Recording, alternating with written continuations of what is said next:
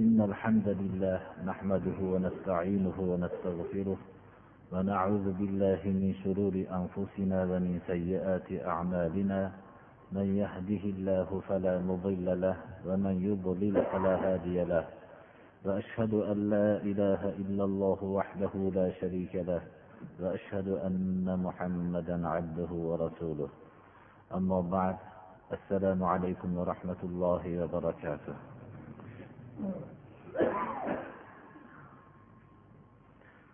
أعوذ بالله من الشيطان الرجيم. إنا أوحينا إليك كما أوحينا إلى نوح والنبيين من بعده. وأوحينا إلى إبراهيم وإسماعيل وإسحاق ويعقوب والأسباط وعيسى وأيوب ويونس وهارون وسليمان وآتينا داود زبورا. ورسلا قد قصصناهم عليك من قبل ورسلا لم نقصصهم عليك. وكلم الله موسى تكليما. رسلا مبشرين ومنذرين لئلا يكون للناس على الله حجة بعد الرسل وكان الله عزيزا حكيما. alloh subhanahu va taolo muhammad alayhissalomni oxirgi payg'ambar qilib jo'natdi.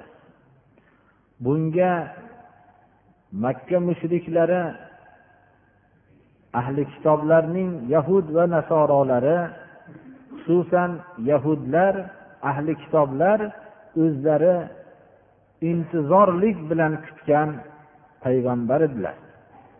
Ular payg'ambarimiz sollallohu alayhi vasallamning o'tgan muqaddas kitoblarda xabarini alloh subhanahu va taolo tarafidan eshitib bilishganidada intizorlik bilan kutishardi. Lekin ular o'zimizdan chiqadi deb o'ylashardi. Ollohni fazlini faqat bizga deb cheklab tushunishardi. Alloh taolo muhammad alayhissalomni payg'ambar qilib jo'natgan vaqtda ular ajablanib u kishining sharlarida har xil bir tuhmatlarni qilishdiki dunyoda hech bir alloh taolo bir payg'ambar jo'natmaganu bu qanday bu yangilik degandek kutib olishgan edi. Lekin payg'ambarlar karvoni odam alayhissalom ya'ni abul bashar birinchi insoniyatning otasi bo'lgan odam alayhissalomdan tortib payg'ambar to'xtamay kelardi. Ba'zi payg'ambarlar qarindoshlarning o'ziga cheklangan edi. Ba'zi payg'ambarlar bir xalqlarning o'ziga cheklangan edi.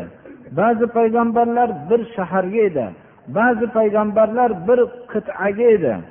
Ba'zi payg'ambarlar bir necha qit'aga edi. Va ba'zi payg'ambarlar yer kurrasiga bo'lsa ham shu davrning o'ziga xos edi.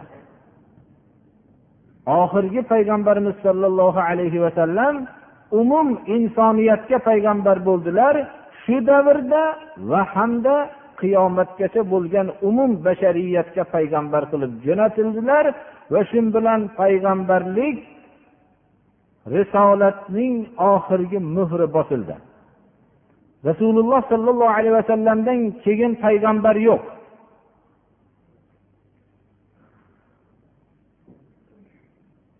Alloh subhanahu va taolo payg'ambarimiz sollallohu alayhi vasallamga biz sizga vahiy qildik. Bu vahiy qilishligimizga odamlar ajablanishyapti lekin bu ajablanadigan narsa emas. O'tgan payg'ambarlarga ham bir vahiy qilganmiz. Nuh alayhissalomga va u kishidan keyingi payg'ambarlarga biz vahiy qilganmiz. Nuh alayhissalomning zikr qilinishligining vallohu alam sababi shu bo'lsa kerakki insoniyat nuh alayhissalomgacha bo'lgan insoniyat bir yer kurrasida yo'qolib ketdi. Bu kishi ikkinchi odam hisoblanadilar. Bu kishiga iymon keltirgan kishilar va insonlar ya'ni shu kemada saqlanib qolishdilarda shular keyingi bashariyatning alloh subhanahu va taolo tarafidan urug'i qilib tanlandi shu kishidan insoniyat vujudga keldi. Shuning uchun nuh alayhissalomga bo'lgan boshlanishlikni nuh alayhissalomdan deb go'yoki zikr qilinadi qur'oni karimda.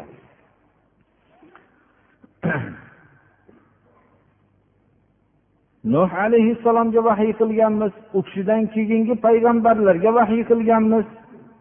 Ibrohim alayhissalomga vahiy qildik payg'ambar qilib jo'natdik. U kishining o'g'illari ismoil alayhissalomga ishoq alayhissalomga yaqub alayhissalomga asbob va iso va ayyub yunus horun sulaymon alayhissalomlarga biz vahiy qilganimizdek sizga vahiy qildik.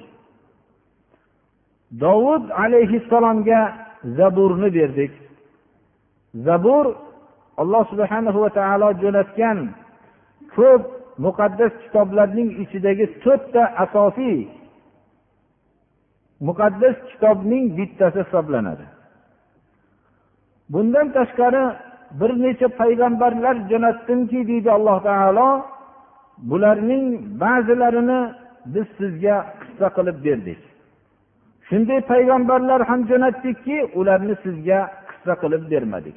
Qur'oni karimda zikr qilingan payg'ambarlar faqat butun olamdagi hamma jo'natilingan payg'ambarlarning nomi emas birodarlar. Ya'ni undan boshqa rasululloh sollallohu alayhi vasallamga qissa qilib aytib berilmagan payg'ambarlar ham bor.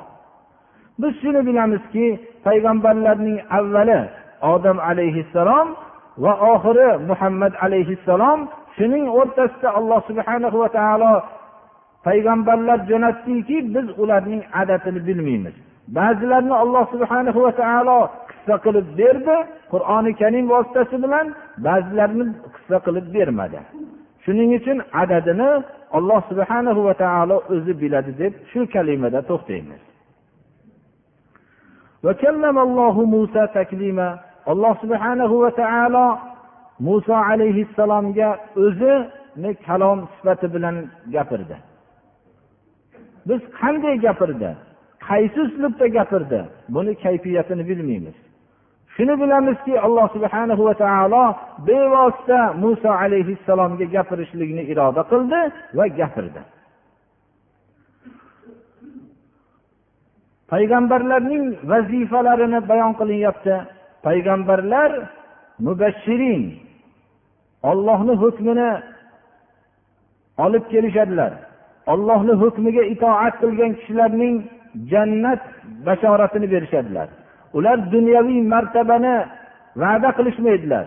Ular biror bir oldilaridagi moddiy narsalarni va'da qilishmaydilar. Ular alloh subhana va taolo tarafidan bo'lgan va'dani va'da qilishadilar. U va'da jannat edi. Va munzirin ular ogohlantiruvchidir.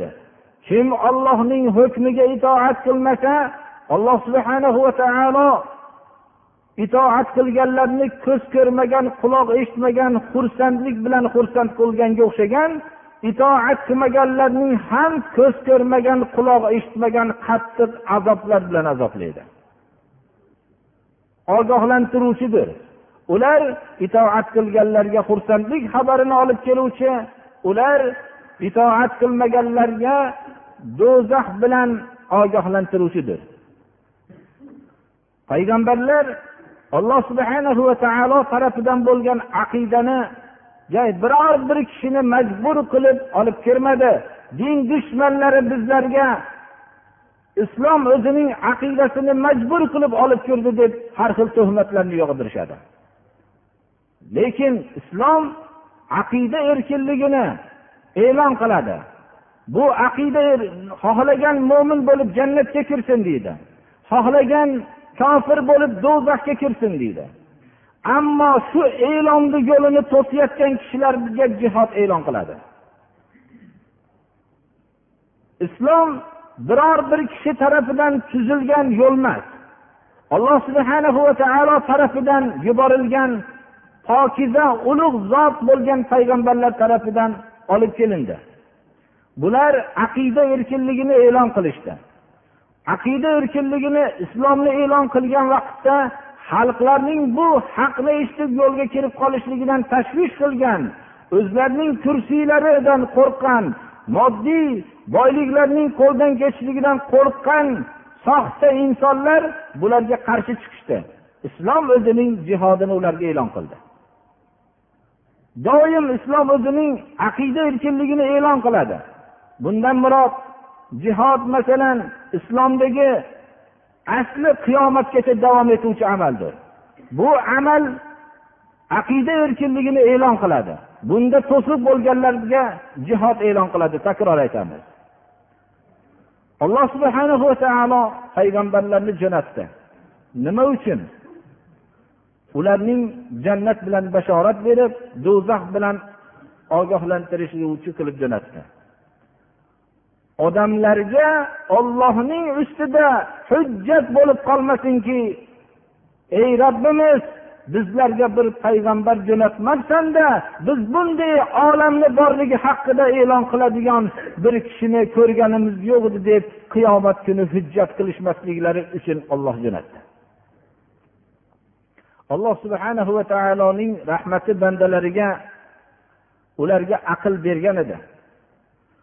Oldilariga borliqning ochiq kitobini ochib qo'ygan edi. Bu oyatlar hammasi o'zlaridagi insondagi ajoyibotlar tashqi olamdagi ajoyibotlar ollohning yakkaligiga dalolat qilardi. Aql mantiqiga bo'ysungan kishilar yaratuvchining borligini biladigan kishilar bo'lishligi kerak edi. Haqiqatda ham insoflik xudosizlar ichida ham yaratuvchi bor demasdan boshqa choramiz yo'q degan e'lon qilayotganlarning soni ko'pdir hozirda ham. Tarixda ham shunday bo'lgan. Lekin alloh subhana va taolo insonlarning bu aqllari va borliq oldilarida ochib qo'yilgan doim varag'i bekilmayotgan ochiq borliq kitobi bilan kifoyalanmadi. Ularning aqllari saodat yo'lini topisholmasliklarini olloh o'zining ilmi ajalisi bilan bildi. Bandalarning o'zi yaratgan edi. Shuning uchun payg'ambarlarni jo'natdi. Payg'ambarlar o'zlarining jinslaridan edi. O'zlarining oralarida yashagan kishilardan edi. Lekin payg'ambarlarga bu ollohning bu vahiysi nozil bo'ldi. Odamlarning jinsidan o'zlarining ichida ulg'aygan kishining bularga xolis bir mehribon zot bo'lishligi ularga rahmat edi lekin insonlar payg'ambarlarni tanimadi ular bular bizga o'xshagan insonda deyishdi. Agar maloika jo'natganda alloh taolo ular aytgan bo'lardiki bu ovqat yemasa tirikligi bo'lmasa bola chaqa qilmasa bunday narsalarni biz qilolmaymizda deyishgan bo'lardi.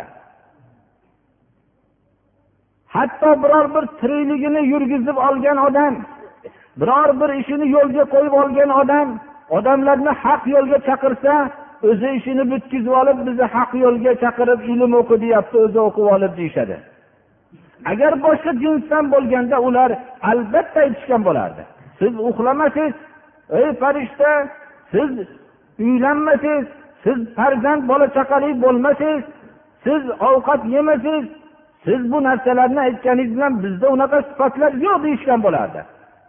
Lekin insonlarga alloh subhana va taolo shunday rahmati bilan o'zlarining ichlaridan chiqqan bir kishini jo'natganligi ularni o'zlariga o'xshagan bozorlarda yuradigan kasblarni qilib yuradigan o'zlarimizga o'xshagan uxlaydigan o'zlariga o'xshagan turmush qiladigan o'zlariga o'xshagan ovqat yeydigan tabiatdagi kishini tanlab payg'ambar qilishligini shukronasini qilisholmadi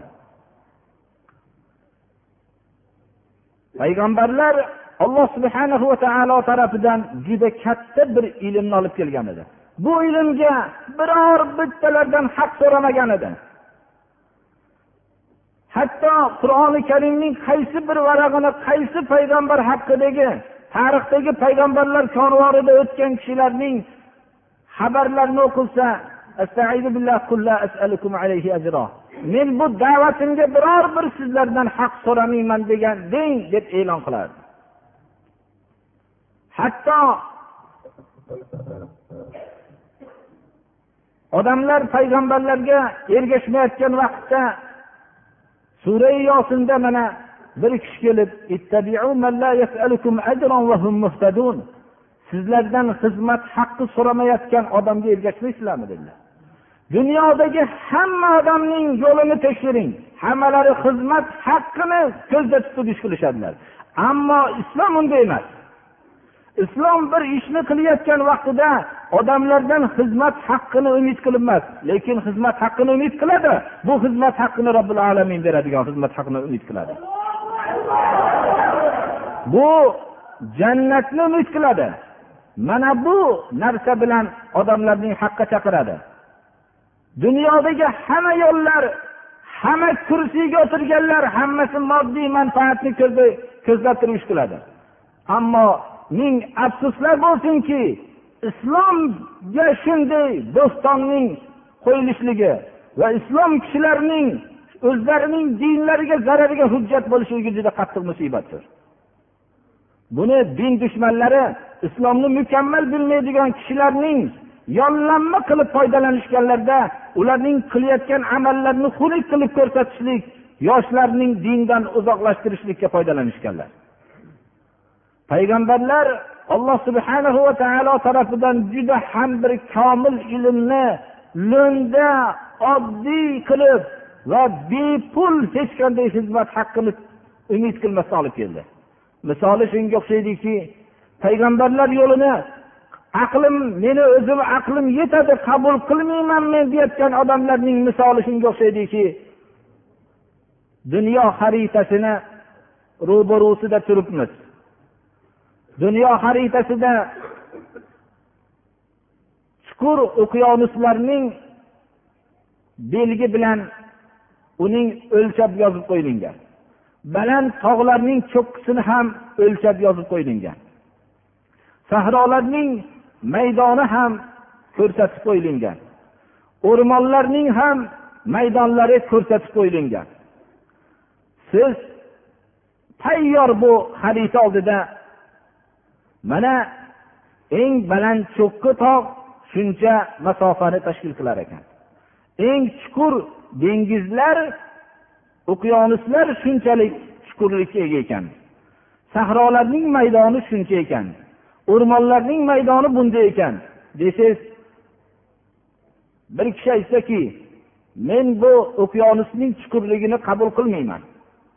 Men bu baland tog'ning o'lchovini qabul qilmayman. Mening yonimda o'zimni o'lchov hatto o'n gaz masofani o'lchaydigan o'lchov asbobim bor. Men buni o'zim o'lchab chiqib keyin tasdiqlayman. Bu baland tog'ni ham o'zim o'lchamagunimcha buni tasdiq qilmayman. Desa biror kishi o'rnidan tursa bu odam aqldan ozib bu odam kasallangan asabiy kasallangan odam ekan deyiladi. Biror kishi aytganmi dunyo xaritasini qo'yib qo'ygan vaqtda bunga ishonib bo'lmaydi o'lchashimiz kerak deb. Aytmagan. Aytgan odam mabodo bo'lsa majnun odam aytgan. Bu tayyor mabodo o'lchasa o'zining yonidagi o'n gazlik asbobi bilan o'lchashlikka shu chuqurga kirib u g'avvoslik ilmini o'rganib boshqa narsalarni o'rganib shu chuqurni o'lchab chiqsa umrining bir qismi o'tib yoshi agar halok bo'lmasdan salomat qolsa. Yoshining bir davrlari o'tib qarib o'n yil o'n besh yil masofada buni o'lchab chiqsa xuddi xaritada ko'rsatilgandek o'n kilo yoinki undan ko'ra ko'proq tog'ning balandligi bo'lsa ham o'n kilometrga bu yaqinroq masofa bo'lsa shundan keyin u baribir o'lchaganim bilan ham shunday chiqdi degan insonga o'xshaydi. Payg'ambarlar olib kelgan ilm xuddi bizga dunyo xaritasini chizib qo'ygandek komil ilmdir. Endi u u uqyonus dengizning chuqurligini o'lchashlikni o'rniga uning marvaritlaridan foydalansa bo'lardi. Uning boyliklaridan foydalansa bo'lardi. Mana bu foydalanishlikka islom buyurgan edi. Lekin u umrini zoyi qilib mabodo halok bo'lmasa o'ldirsa shunday bo'lardi. U nodon bilmasdiki yonidagi o'ngazlik asbobi u chuqurlikka hech narsa bo'lmasligini bilmasdi. Payg'ambarlar alloh subhanahu va taolo tarafidan komil ilmni olib kelishdilar. Bu ilmni odamlar shukur qilib qabul qilishmadilar. Payg'ambarlar mast qiluvchi ichimlik harom deb e'lon qilgandan bir ming to'rt yuz yil vaqt o'tkazgan nodonlar ham bilib qo'yishlari kerak.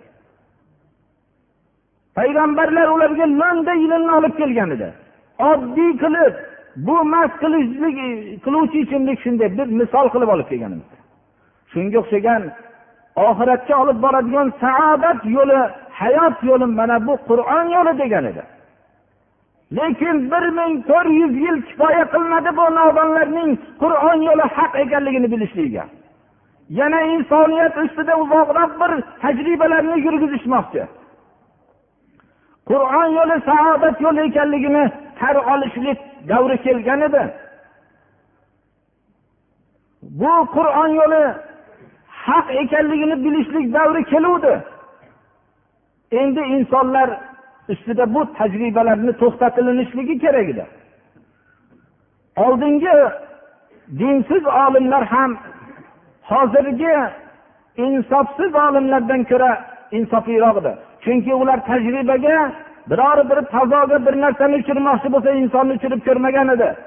Bir hayvonni uchirib ko'raylikki mabodo nobud bo'lsa ham shu hayvon nobud bo'lsin degan edi. Mabodo bir tajribaga tabobat jarrohlik to'g'risida itni tanlab ko'rgan edi. Mabodo uni yuragini tekshirib ko'raylik deb.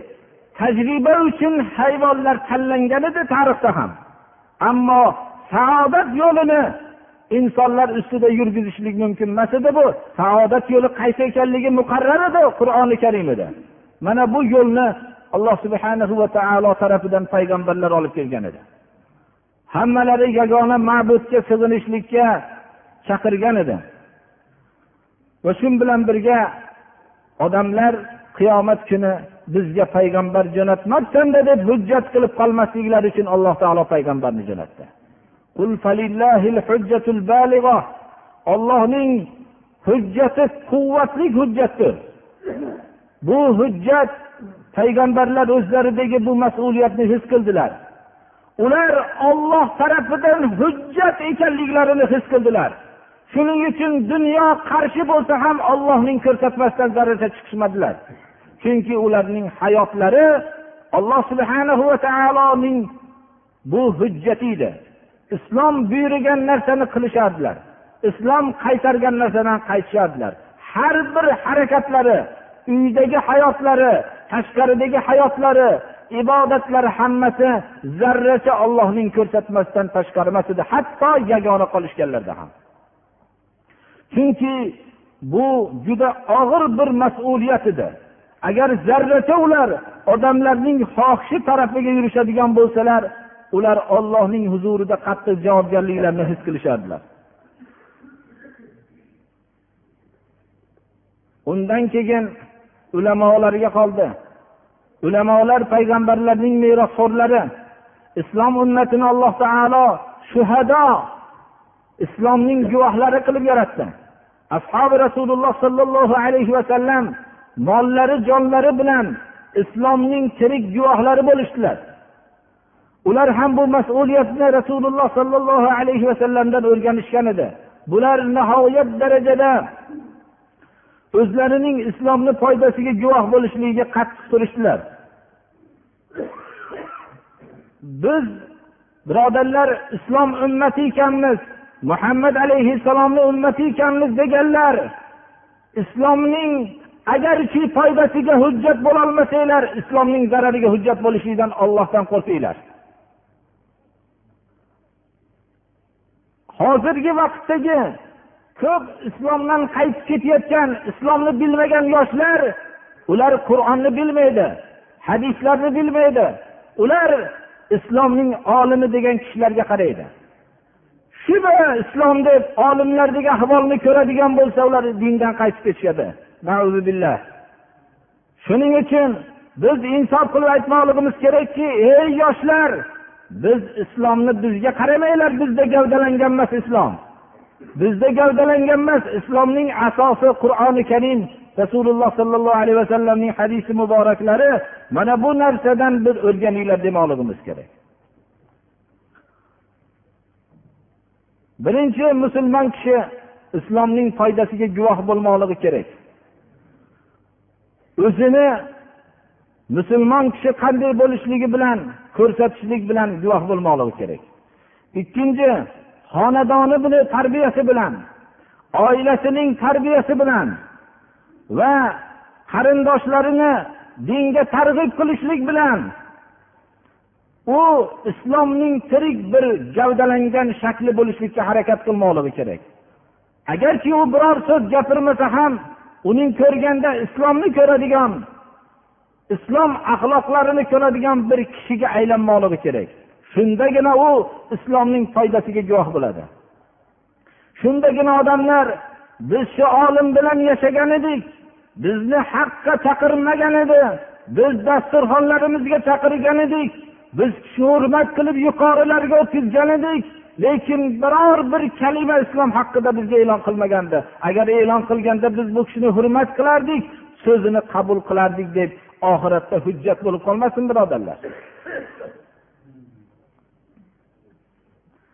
Ana u o'zining xonadoni oilasini tarbiya qilgandan keyin o'zining hayotida oilasida islomni mujassamlashtirgandan keyin endi u o'zining ijtimoiy hayotida islomni mujassamlashtirishlikka va boshqalarning ham islomni o'zlarida mujassamlashtirishlikka harakat qilmoqlilari kerak.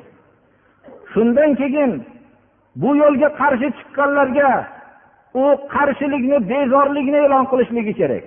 Mushriklarga bezor bo'lganligini e'lon qilishligi kerak.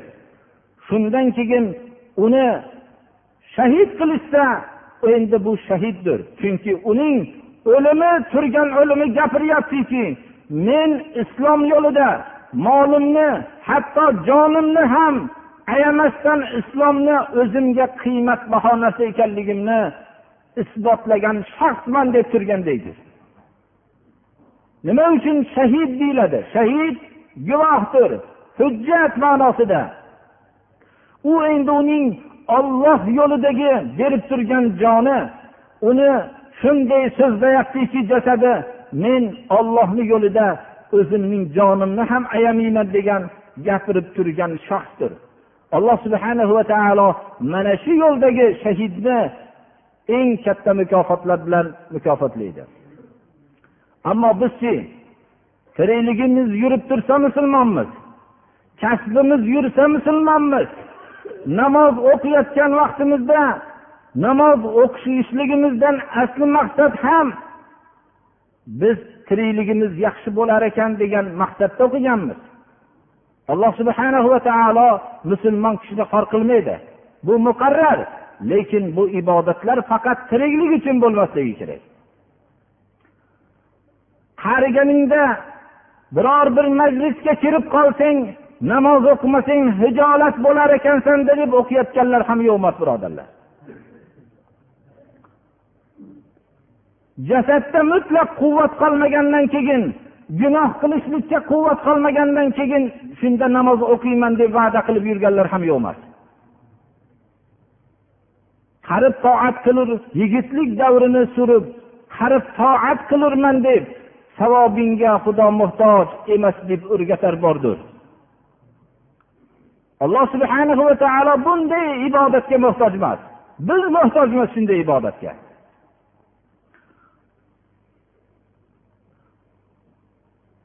Payg'ambarlar o'zlaridagi shu guvohlikni to'la o'tashdilar.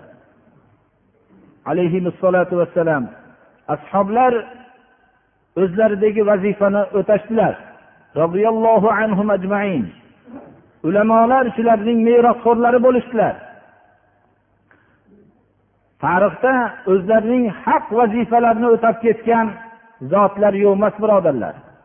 Ular dunyodagi hamma qiyinchilikni ixtiyor qilishdilar islomning zarariga hujjat bo'lib qolishlikdan saqlanishlik uchun. Alloh subhana va taoloning rahmati bo'lsin shunday kishilarga.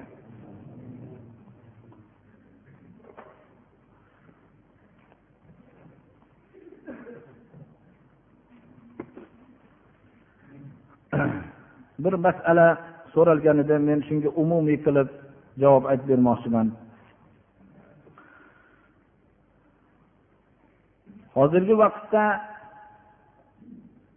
folbinlik qilayotgan o'zini kelajak haqidagi xabarlarni biladigan deb tanitgan kazzoblar ko'paygan.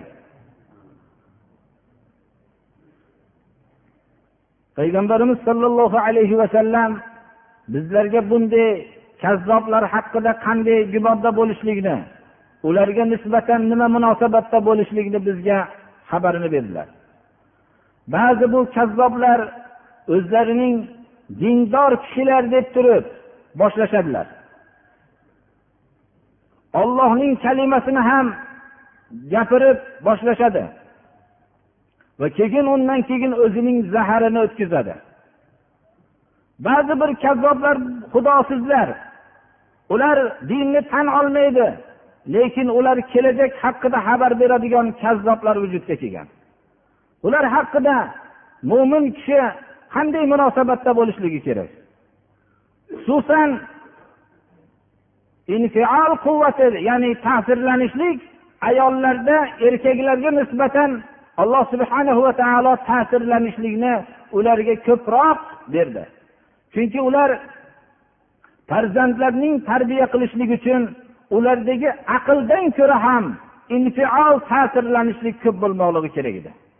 Chunki men shu yerda kengaytirib bo'lsa ham aytishga tushuntirishlik uchun aytaman bolaning ikki yosh uch yoshgacha bo'lgan tarbiyasi aqldan ko'ra tez ta'sirlanishlik quvvatiga muhtojdir. Shuning uchun alloh subhanahu va taolo ayollarga shu quvvatning mislsiz darajada berdi. Erkaklarda bu boshqarishlik quvvatiga aqlga ko'ra ko'proq muhtoj bo'lganligi uchun ayollarga nisbatan aqlni ko'proq berdi. Masalan bir bolani bir narsa yeyman deb talab qilsa darrov u ona darrov olib beradi. Chunki unda u so'zdan ta'sirlanish quvvati kuchlidir. Shu vaqtda bola o'zgaruvchan yemayman bu narsani desa darrov qaytarib qo'yib qo'yadi. Agar yana yeyman desa darrov yana olib beradi. Yana yemayman deb takrorlasa yana olib qo'yadi. Onaga malolat paydo bo'lmaydi chunki bolaning so'zi bilan ta'sirlanish quvvatini alloh subhana va taolo ko'p berdi. Ammo shu munosabat otaga qilinsa avvalda olib bering desa olib bermaydi. Olib bersa ikkinchisida yemayman desa meni ovora qilding deb uradi shu bilan bolaning qalbida tugun paydo bo'ladi qarshilik bilan. Ammo onaning orqali bo'lgan muomala bilan mehr paydo bo'ladi. Shuning uchun alloh subhana va taolo onani farzand ko'rishligi bilan bolaning shaklida qilib qo'yadi agar aqlan olib ko'rsangiz. U go'yoki jasadda farq qilsa ham mehrda aloqada ikkovi ikkita bolaga o'xshab qoladi. Chunki bolaning ikki yoshlik uch yoshlik tarbiyasi xususan olti yettiga kirguncha bo'lgan tarbiyalar bunga juda ham ko'p muhtojdir. Alloh subhana va taolo shuning uchun onani murabbiya qildi. Buni tarbiyalashlikka butun bor bo'lsin deb otani bunga xizmatkor qilib qo'ydi. Shuning uchun ayollarni din dushmanlari jamiyatlarning buzishlikda ularning ta'sirlanishlik quvvati ko'p bo'lganligi uchun ayollarning o'zlariga qurol qilib oldi. Bularning yomonlik bilan tez ham ta'sirlanishligini bilgan dushmanlar ularning yomonlik tarafiga moyil bo'lishlik erkaklardan ko'ra ko'proqdir. Ularning yomon yo'llariga o'rgata boshlashdi. Ta'sirlanishlik natijasida ular tezda yomon bo'loldi biz agar yaxshi narsani haqiqatini tushuntirsak ham bizdan ular o'tib ketadi. Men nasihat qilamanki opa singillar sizlar yomonlik bilan ta'sirlanishlikdan ehtiyot bo'linglar. Shuning uchun ham folbin chiqibdi desa biror bir kazzob paydo bo'lsa erkaklardan ko'ra ayollar ko'proq borayotganligini ko'rasiz. Qaysi bir narsaning tayini yo'q narsa bo'lsa ham tayini bo'lgan narsa bo'lsin shularning darvozasini oldida ayollarni ko'p ko'rasiz rasululloh sollallohu alayhi vasallamdan rivoyat qilindiki من أتى عرافا فسأله عن شيء فصدقه لم تقبل له صلاة أربعين يوما kim o'zini bilag'on deb kelajak haqida gapiradigan odamning oldiga borsa folbinmi uni ati boshqami? O'zini nima deb nom qo'ygan bo'lsa qo'yaversin. Kelajak haqida xabar beradigan odamni oldiga borsa undan biror bir narsani so'rasa va tasdiqlasa namozi qirq kungacha qabul qilinmaydi. Aksar borayotgan odamlar namoz ham yo'q ularda. haqiqatda ham bu so'z namozxonlarga namoz o'qimagan kishilarning bu haqda nasihat qilishlikka ham noloyiqdir rasululloh sollallohu alayhi vasallamni abu hurayra roziyallohu anhu rivoyat qildilar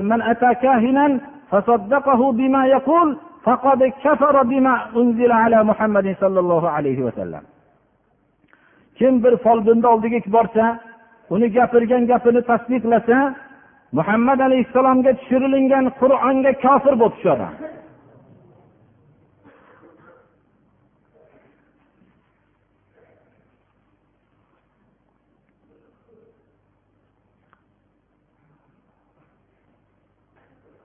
biz shundan shu masalalardan boshqa bir abdulloh ibn abbos aytgan ekanlarki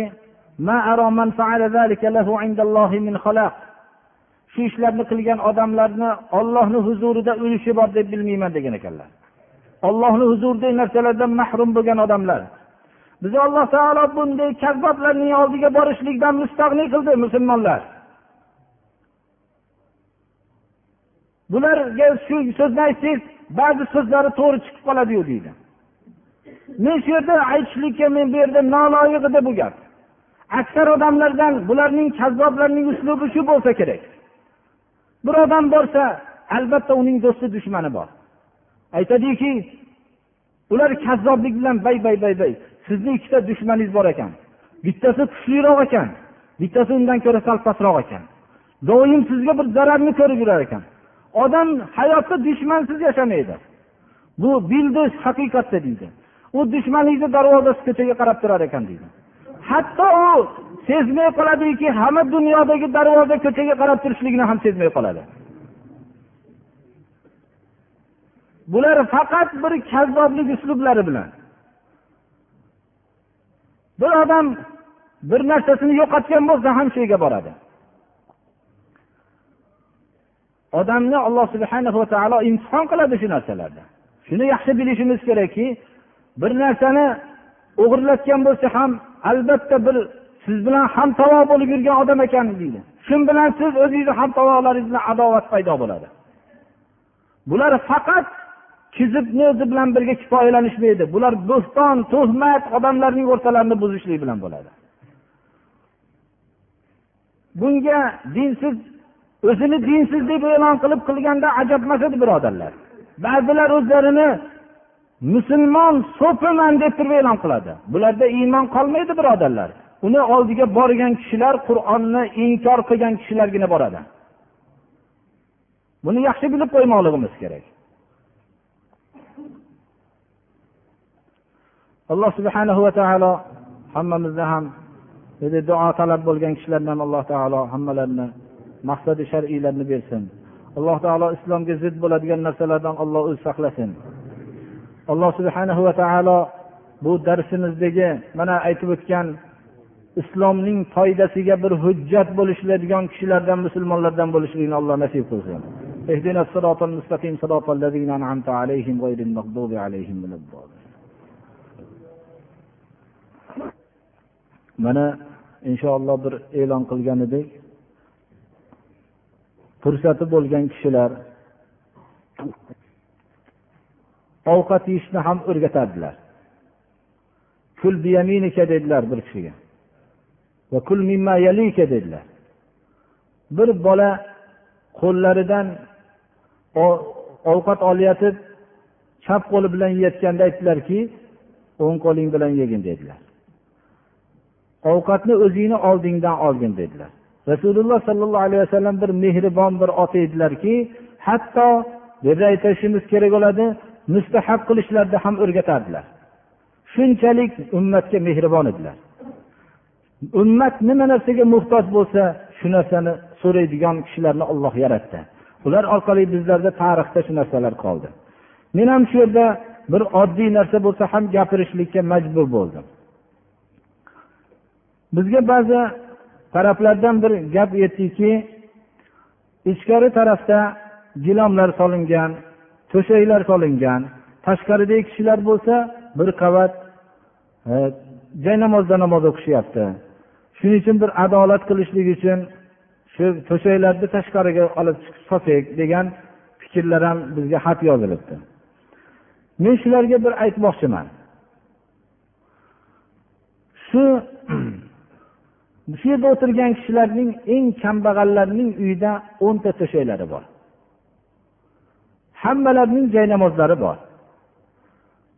Va shu bilan birga yetarli narsalar bor. Eng kambag'allarni hisobga olayapman. Shu kambag'al bo'lgan kishilarning nazarda tutib aytganda shunchalik narsalari bor. Endi bir haftada juma o'qilayotgan vaqtda juma namoziga yaxshi bir joy namozlarni qilib iloji bo'lsa bir gilom joy namozlarni hozirlab shuni ko'tarib kelinsa ham adolat bo'laversa kerak deyman. Mabodo bir kishining uyida joynamozlikka yetadigan narsasi bo'lmasa agar kelishsa biz joynamozlik beramiz shu odamga. Shuning uchun juma kuniga kelayotgan otaxonlar birodarlar ukalarimiz iloji bo'lsa ikki kishilik joynamoz ko'tarib kelishib bir chiroyli joy qilib o'zlariga yonida biror kishini ham chaqirishlikka imkoniyatli qilib shu joynamozlarni qilib olishsalar menimcha yaxshi bo'lsa kerak.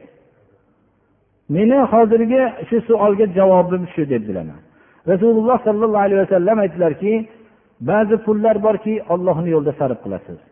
Ba'zi pullar borki miskinga sarf qilasiz. Ba'zi pullaringiz borki buni ollohni yo'lida jihodga sarf qilasiz. Ba'zi pullar borki o'zingizga sarf qilasiz. Oilangizga sarf qilasiz. Shu pullarning sarf bo'layotgan pullarning eng afzali o'zingizga sarf qilganingiz dedilar. Men shu hadisni nima uchun birovlarga berilgan puldan ko'ra sarf qilingan sadaqotlardan ko'ra o'ziga sarf qilingan sadaqot afzal ekan deb qalbimda shubha bo'lib yurardi. Agar har bir kishi o'ziga sarf qilsa o'zini yetarli qilib olsa jamiyatda birovga yuk bo'ladigan odam qolmaydi birodarlar. Shuning uchun ham rasululloh sollallohu alayhi vasallam o'ziga sarf qilish degani birovga hech muhtoj bo'lmay yuradigan holatni tashkil qilishlikka targ'ib qildilar. Haqiqatda ham ollohni yo'lida jihodda sarf bo'lgan puldan ham o'zini birovga muhtoj qilib olmaydi muhtoj qilmay yurgan kishining bu ajri baland ekanligi namoyon bo'ladi. Agar har bir kishi o'zini birovga muhtoj qilmaydigan bo'lsa unda jamiyatda hech birovga yuk bo'ladigan odam qolmaydi. Shuning uchun rasululloh sollallohu alayhi vasallam dinarun ala nafsika. Bu o'zingizga sarf qilgan pul eng afzal pul dedilar. Endi shu eng afzal yo'lga sarf bo'lmagan mol nima mol u? Shuning uchun o'zimizga hech bo'lmasa sarf qilib yurishlikni o'rganaylik. Bu narsa bir jomiy madrasa masjidida alhamdulillahi robbil alamin biz namozxonlarni hammasini joylarini hozirlab qo'yishlikka fidoyi bo'ladigan kishilar vositasi bilan shu joy namozlarni solib shunday qilib turilibdi.